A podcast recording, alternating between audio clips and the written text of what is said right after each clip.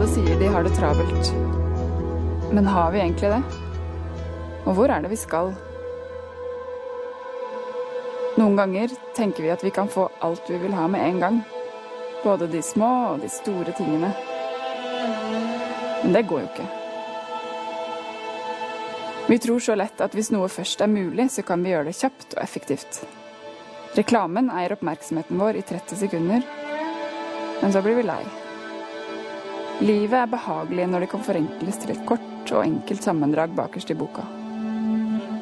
Og det er i denne virkeligheten vi skal prøve å holde interessen for evangeliet oppe.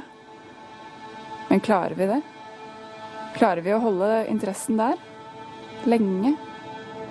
Lenge nok til å få røtter, sånne som tåler vind og vinter. Millioner av mennesker sier ja til å ta imot Jesus Kristus. Man er født på ny, sier man. Men derfra, da? Hvordan ser det ut? Vi har så lyst til å kjenne og erfare Gud, finne de gode opplevelsene, liksom.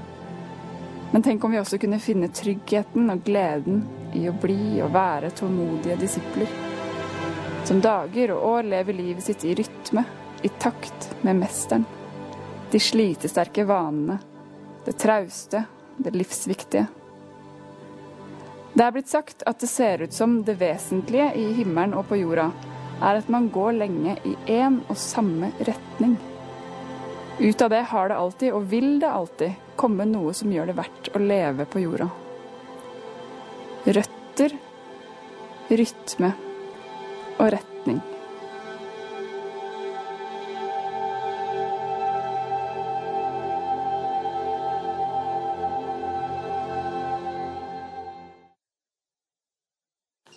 Som eh, forelder så har jeg merket at det er eh, ingenting som er så viktig for eh, oss som hvordan det går med barna våre. Og det er ingenting som er så viktig for deg som forvalter av livet ditt, som hvordan det går med deg. Derfor så har vi denne høsten i kirken stoppet ved disse tre begrepene som vi tror er så avgjørende for hvordan det går, nemlig røtter, rytme og retning. Røtter fordi du kan se vinden blåse så kraftig, men store trær blir stående, og du kan lure noen ganger. Rart de ikke velter, men det er jo pga. røttene. Det som ikke syns hele tiden, men som er under alt. Vi som velger å tro, er rotfestet i Jesus Kristus. I ordene han sa som forandret verden, i livet han levde, i kirken hans, som da selvfølgelig er ikke bare Filadelfia-kirken, men hele den kristne kirke, som har vært kontinuerlig gjennom 2000 år, og som kommer til å være til Jesus kommer tilbake. Det er røtter. Rytme er det vi gjør, som former oss, som vi gjør mange ganger. Vi skal ikke overdrive sånne engangsgreier, men vi kan nesten ikke overdrive det vi gjør mange ganger, for det er den vi blir. Så røtter, rytme, og så stopper vi i dag ved retning. Når eh, folk spør deg hvem du er, da har du kanskje sånn standard svar som du alltid pleier å svare, men i virkeligheten så er ikke svaret på det så statisk som vi kanskje tror. Du er ikke helt den samme nå som du var for fem år siden, for ti år siden. For livet vårt endrer seg, og vi også. Og jeg har merket på meg selv. Jeg kan ha liksom blandede følelser til konsepter som reunions eller slektstreff eller sånne greier. Hvor man, jeg kan føle at her dyttes jeg tilbake til en jeg var en gang men som jeg kanskje ikke passer inn i lenger fordi vi utvikles. Den boksen er ikke helt meg. Jeg går i en retning, vi lever i en retning. Som pastor gjennom en del år så har det her blitt så viktig for meg. Jeg er du må ikke bli fornærma nå, jeg er ikke så opptatt av hva du sier om deg selv akkurat nå. Men som jeg er av hvilken retning livet ditt er på vei. Hva er det det blir mer av i livet ditt, og hva blir det mindre av? Når det kommer saker i offentligheten der kjente mennesker blir avslørt for å ha gjort noe ordentlig dumt, så blir det skandale, og alle vil vite hva skjedde nøyaktig. Legger han eller hun seg flat? Og så snakker vi med naboen i veien hjemme og rister på det. Hvordan er det mulig? Men egentlig vet vi hvordan det er mulig. Det er bare å gå lenge nok i én retning, så er det utrolig hvor langt du kommer. Og derfor mer enn akkurat hva som skjedde, og akkurat hvor du står nå, er jeg nysgjerrig på hvordan begynte det? Hvor er du på vei nå? For eh, problemet er jo ikke at man ble tatt, at man ble avslørt. Problemet er at man eh, har endt opp som en på et sted hvor, som jeg overhodet ikke hadde tenkt å bli. Hvordan kunne det skje? Jeg tror det handler om rett retning i livet. Og Heldigvis så har vi de positive historiene her også. Jeg har fortalt barna mine hjemme om Ludvig Carlsen. Han som fra et vanskelig utgangspunkt, oppvokst som omreisende tater, som han sa den gang, romanifolk, han havnet på skråplanet, var inn og ut av fengsler, alkoholiker, periodevis uteligger. Men da livet så helt svart ut, så lot han seg finne av Gud. Og så begynte et helt annet liv. Og det ble ikke da bare en sånn ivrig uke, en fase, periode.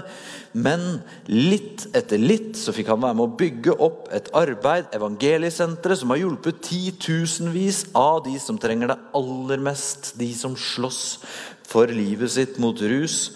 Og i dag er det 16 år siden Ludvig døde. Men arbeidet er større enn noen gang og hjelper folk hver eneste dag. Og i kirken her får vi være med på litt av det.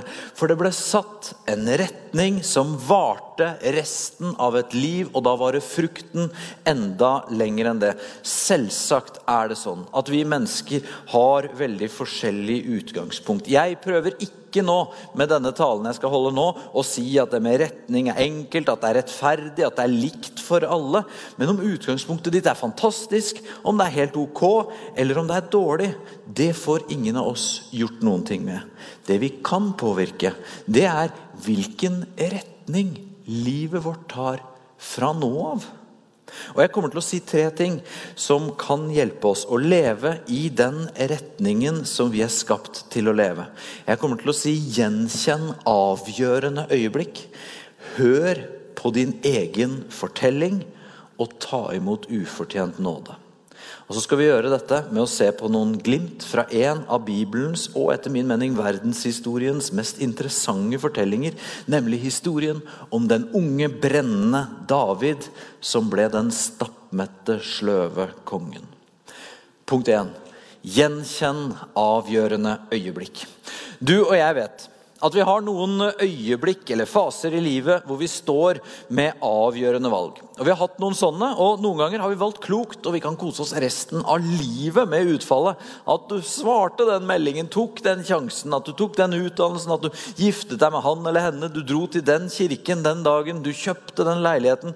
Andre ganger valgte vi feil i avgjørende øyeblikk, og noen ganger til en veldig høy pris. Men så er vi mennesker. Kanskje heldigvis sånn at de fleste av oss er ganske gode på å finne formildende forklaringer for oss selv for hvorfor vi tok opp det forbrukslånet, ble med hun hjem, sendte den sinte meldingen, kjøpte det, gikk på de nettsidene, ignorerte de advarslene. Men ett faktum er vi uansett enige om. Vi var der. I alle mitt livs gode og dårlige valg så var jeg der selv. Og noen øyeblikk og faser er så avgjørende at de setter en retning for resten av livet vårt. Og selv om vi absolutt ikke nødvendigvis skjønner konsekvensene der og da, så har du kanskje merket en ting. At ofte så kan du kjenne en sånn liten skjelving inni deg når sånne øyeblikk kommer. En usikkerhet, en anelse, en samvittighet. Og så prøver vi kanskje å overbevise oss selv om å gjøre eller ikke gjøre det på tross av denne uroen. Men kanskje skal vi heller prøve å gjenkjenne sånne avgjørende øyeblikk. La oss nå f.eks. se på historien om David. David, de fleste kjenner historien, han begynte som en gjetergutt på bygda. Så ble han superkjendis når han drepte Goliat, kjempen, og syntes det var som et barneskirenn. Og etter det så var han en levende legende. Kongen Saul han var først takknemlig, satte David til å lede hæren sin, lot han gifte seg med datteren hans. Men så ble David så populær at Saul begynte å se på han som en trussel mot sin egen posisjon. David var jo egentlig bare en ung, pen, heldig gutt som elsket Gud og folket sitt. Men til slutt raknet det for Saul mens David var der. Og Saul prøvde å drepe David, og dermed måtte David flykte. Og han ble en lovløs i ødemarken. Der ute hang andre lovløse seg på han, og til slutt hadde han sin egen lille hær av mer eller mindre fortapte sjeler. Ingen av dem hadde noe hjem å dra til, de var etterlyst, de hadde lite å tape. Tiden gikk, men så en dag rapporterte kong Sauls spioner at David og mennene hans hadde blitt sett på et bestemt sted i ørkenen. Og her skal vi gå inn i historien, for her kom et retningsgivende øyeblikk for Davids liv. Se for deg settingen.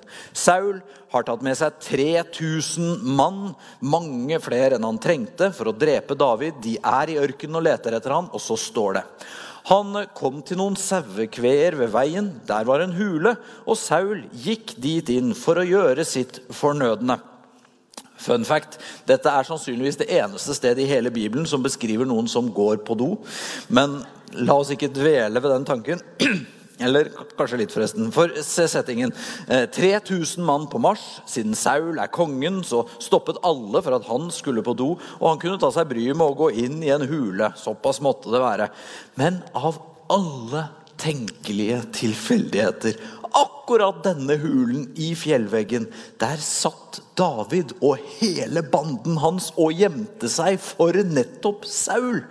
Og Saul han går inn fra den stekende ørkensolen inn i hulen, og før øynene hans får vent seg til mørket der inne, så setter han seg ned uten å oppdage hvem som ligger musestille lenger inn. David og mennene hans de kunne nesten ikke tro det de så. De fikk sin dødsfiende servert på fat. Ikke det mest delikate fatet, men likevel. Davids menn de skjønte med en gang hva dette var. For de hadde hørt historiene ved bålet på kveldene at David var utvalgt av Gud. Så nå hvisket de til ham der innerst i hulen. Nå er den dagen kommet som Herren hadde i tankene da han sa til deg, 'Jeg skal gi fienden din over i dine hender, så du kan gjøre med han som du finner for godt'. Tenk for et øyeblikk. Alt snudde. Om Saul nå døde, så ville de 3000 soldatene utenfor øyeblikkelig anerkjent David som ny konge. Han var jo allerede en legende som alle hadde hørt om. Og menn i hulen de ville få en ny sjanse i livet. Hva gjør du nå, David? Det kommer øyeblikk i ditt og mitt liv hvor vi må prøve å avgjøre er det her en mulighet som jeg skal ta, eller er dette en fristelse som jeg bør gå forbi? David krøp frem fra bakerst i hulen, helt bort til Saul der han satt. Så står det så reiste David seg og skar ubemerket en flik av Sauls kappe. Men siden kjente David at det stakk han i hjertet, for han hadde skåret fliken av Sauls kappe. David hadde muligheten. Han var en fullblods kriger. Han kunne drept Saul på et øyeblikk. Men han var myk nok i hjertet til å gjenkjenne et avgjørende øyeblikk. Han gjenkjente uroen, skjelvingen, anelsen, samvittigheten. Det stakk han i hjertet, for det var jo galt å drepe Saul. Men du, hva skjer i sånne avgjørende øyeblikk? Når vi aner hva som er rett, men vi har veldig lyst til å gjøre noe annet enn det likevel. Da begynner vi å overbevise oss selv. David, hva har du å tape? Altså, eh, er det én som fortjener det, så er det Saul. Dette er jo rettferdig. Tenk hva han har gjort deg. Alle vil skjønne hvorfor du gjorde det. Retningen i Davids liv sto på spill. Men han fulgte samvittigheten. Selv om mennene bak han mente at han kastet bort en mulighet så sinnssykt god at det bare måtte være Gud som hadde gitt den. Den lille stemmen som han så lett kunne overdøvet, den har vi også i våre livs avgjørende øyeblikk. Saul gikk ut av hulen, og idet han nådde hesten sin, så hørte han en kjent stemme bak seg. 3000 par øyne snudde seg mot hulen Saul akkurat hadde kommet ut av, og der sto David. Han bøyde seg i respekt for kongen og så holdt han opp fliken av Sauls kappe. Det er sånne øyeblikk vi trenger å kunne se for oss. Øyeblikk som vi kan fortelle barn og barnebarn, en venn, en fremtidig ektefelle om. Øyeblikk der vi ved Guds nåde fikk ta valg som ga livet vårt en god retning. Det hadde jo ikke vært det samme for David om barnebarna stadig spurte 'Bestefar, kan du ikke fortelle om den gangen du drepte den forrige kongen bakfra mens han bæsja?' Øyeblikket, fasen, perioden, da så mye sto på spill for deg, men livet likevel ikke sporet av.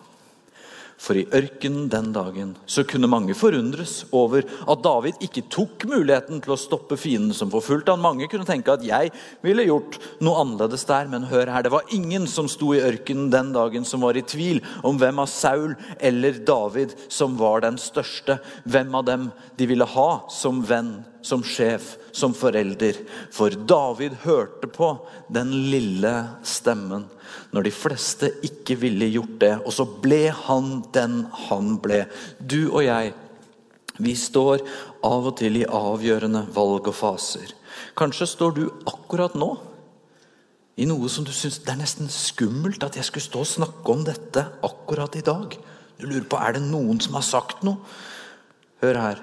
Hvis det er noe som plager deg med det du er i ferd med å gjøre eller ikke gjøre, kanskje du skal la det plage deg? Er det noe som skurrer? Skal du la det skurre? Møt det til det enten går over, eller du går en annen vei. Stopp litt, gjenkjenn avgjørende øyeblikk, så livet ditt og livet mitt kan gå i en bedre retning. Da kommer vi til punkt to. Hør på din egen fortelling. Hva var det David gjorde der i hulen? Han bestemte seg for å ikke bruke Sauls dårlige oppførsel som en unnskyldning til å ta dårlige valg selv. Og det er utrolig enkelt for oss å gjøre akkurat den feilen. For vi plasserer oss selv inn i en narrativ, inn i en fortelling. Når kona er så kjip, når sjefen skjønner så lite, når ingen andre uansett tenker på meg, da skulle det bare mangle at ikke jeg belønner meg litt, at ikke jeg tar litt av det, at ikke jeg lyver litt der, for ingen vet hvor mye dritt jeg må tåle. Men du, vi gjør smart i å prøve å høre etter hvilken fortelling vi forteller oss selv. For den fortellingen avgjør så mye av retningen livet vårt går. Datteren min på åtte kom hjem fra skolen og erklærte pappa, gutter ligner mer på dyr enn mennesker. De bråker og kaster ting og slåss og klarer ikke å sitte stille. Det er veldig lett å lure. Og sånn gjør jeg også. Jeg plasserer meg selv sånn fordelaktig i historien. Jeg er ikke som de, jeg er i hvert fall ikke som han. Enten det er grupper av folk eller enkeltpersoner. På det med grupper var det en etter en gudstjeneste som sa til meg en gang Andreas, jeg hater å være den som må fortelle deg dette, men noen må jo gjøre det. Alle vi på Vestlandet er enige om to ting. Vi trenger fergefri E39, og folk fra Oslo har generelt ikke peiling på noe av det de snakker om. Så det er ulike fortellinger. Og vi plasserer oftest tullingen, problemet, feilen, et annet sted enn hos meg selv. Og da kan vi ende med å gå i feil retning. La oss nå spole frem til en annen scene i Davids liv. Nå har David vært konge i mange år. Han er på høyden av makten sin. Han har fått livet akkurat sånn som han ønsket det. Han kan det han driver med. Han kan maktspille og alt til fingerspissene. Han har makt Eh, penger, og alt er på plass for han. Mennene hans hadde dratt i krig, men David behøvde ikke å være med lenger. Han var ikke sulten som da han var ung. Han var tvert imot fornøyd og mett i palasset sitt. Han hadde ikke mer å bevise. En kveld han gikk rundt på takterrassen sin, så fikk han øye på nabodama som badet naken på terrassen sin. Og skulle han være helt ærlig, så gikk han vel ikke der oppe bare for å kjenne den svale natteluften. Det var kanskje ikke første gangen han så Batseba bade. Hun var veldig deilig. Men denne kvelden gjorde David noe han ikke hadde gjort før. Han ba henne komme, og de tilbrakte natten sammen, sannsynligvis flere netter. Og så kom en beskjed til David fra Batseba. Hun var gravid.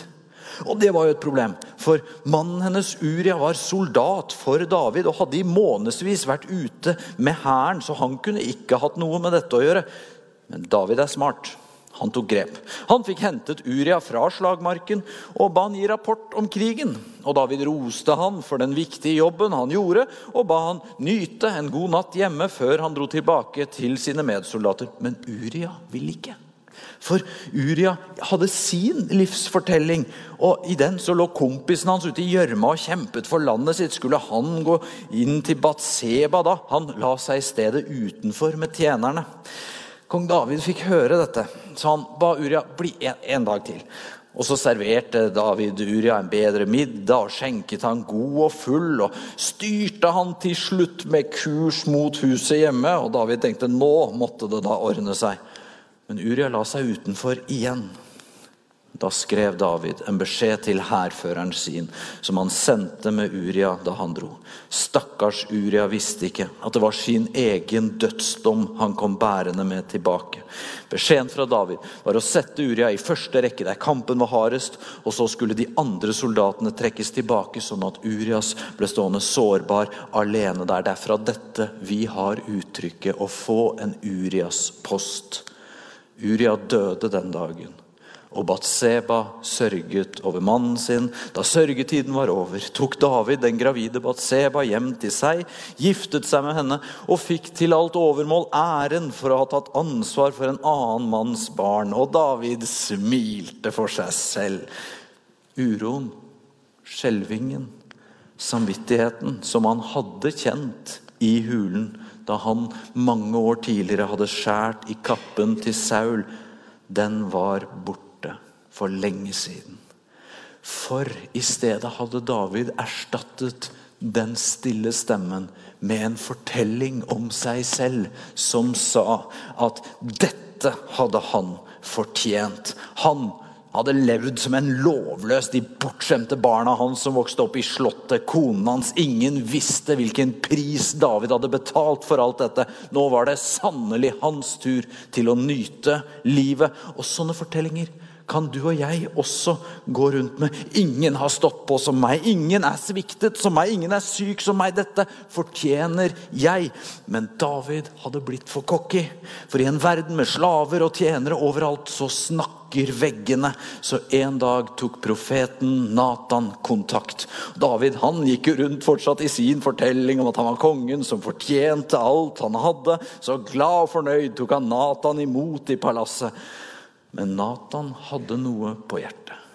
Han hadde en ganske annen historie enn Davids. Han forteller David om en rik mann som misbruker makten sin mot en fattig stakkar.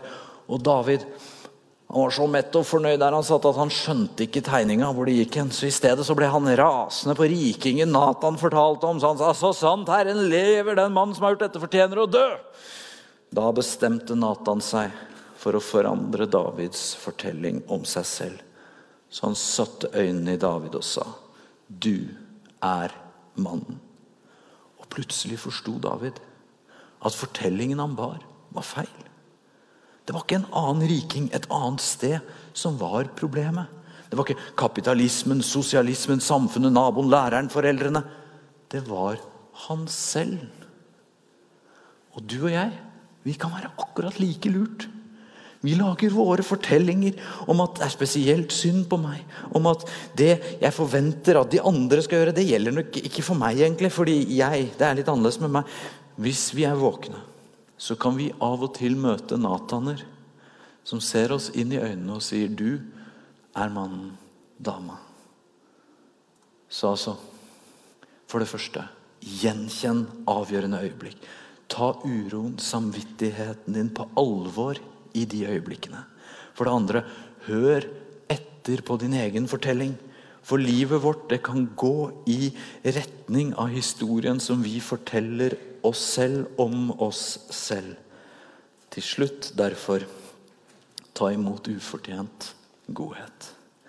David han hadde heldigvis ikke fått hardere hjerte enn at han i møte med Natans ord snudde 180 grader. Han la vekk den stolte fortellingen om alt han fortjente. Og den natten gråt David. Han gråt over hvem han hadde blitt. Han gråt over retningen livet hans hadde tatt. Han så for seg den unge gutten som hadde sittet i gresset med sauene og skrevet lovsanger til Gud. Og så så han seg selv som den matte, mette, mektige kongen han hadde blitt. Og så gråt han, og ut ifra gråten så kom Davids kanskje mest berømte sang. Han skrev Vær meg nådig, Gud, i din kjærlighet. Stryke ut mitt lovbrudd. I din store barmhjertighet, vask meg ren for skyld. Og rens meg for min synd. Noen ganger så er vi sånn oppesen, og så sier vi sånn som at det er ingen som er perfekte. Jeg gjør bare mitt beste. Og det er selvfølgelig fint og sant, det. Men det David opplevde, som sikret retningen på livet hans, det var ikke den type sånn unnskyldninger, forklaringer hvor vi sier ingen andre gjør det noe bedre. Han skrev 'i din kjærlighet'. Altså Det var i møte med godhet at Davids liv ble forandret. Tusen år senere så skrev Paulus til den første kirken i Roma det samme poenget. Skjønner du ikke at det er Guds godhet? Ikke Guds sannhet, Guds strenghet, Guds dom, men Guds godhet. Som driver deg til å bare fortsette som du alltid har gjort, og bli slapp på ego. Nei, til omvendelse. Altså når vi møter Guds godhet, Guds snillhet mot oss i vår svakhet, så vil takknemligheten over Guds forunderlige nåde, mildhet, velsignelse gjøre at vi som David justerer retningen. At vi omvender oss. At vi snur oss ikke av tvang, ikke av skam, men av glede. Av takknemlighet, av møte med ufortjent godhet. For lykken er ikke å gå rundt som en mett konge og tenke at 'jeg har fortjent alt jeg har jobbet for, det, det er mitt'. Lykken er å se at i tomme hender så har jeg fått ufortjent denne godheten. Så vi er alle på vei i en retning. Og jeg får være den lille stemmen i dag som minner deg om at det er noe i livet ditt som vokser, og det er noe som minker. La oss prøve å gjenkjenne avgjørende øyeblikk. La oss høre etter på vår egen fortelling om oss selv. Og viktigst av alt, la oss ta imot Guds ufortjente godhet mot oss. Og gjennom alt det så kan retningen i livet vårt justeres og dypest sett gå mot Kristus. Dit vi alle er på vei. Skal vi be en bønn? Jesus Kristus. Takk for at denne korte stunden vi har livet vårt i hendene våre, så kan vi få legge det i dine mye større og faste hender. Ved din Hellige Ånd så ber jeg Gud at du gir oss visdom til å gjenkjenne avgjørende øyeblikk. Til å ikke gå oss bort i selvrettferdige fortellinger om oss selv. Men til å få ta imot din ufortjente nåde og godhet mot oss. Så vi kan formes av den og dras mot deg, Jesus Kristus I de små tingene. For de her inne som akkurat nå står i noen store avgjørende. Og dag etter dag etter dag. I ditt navn, Jesus Kristus. Amen.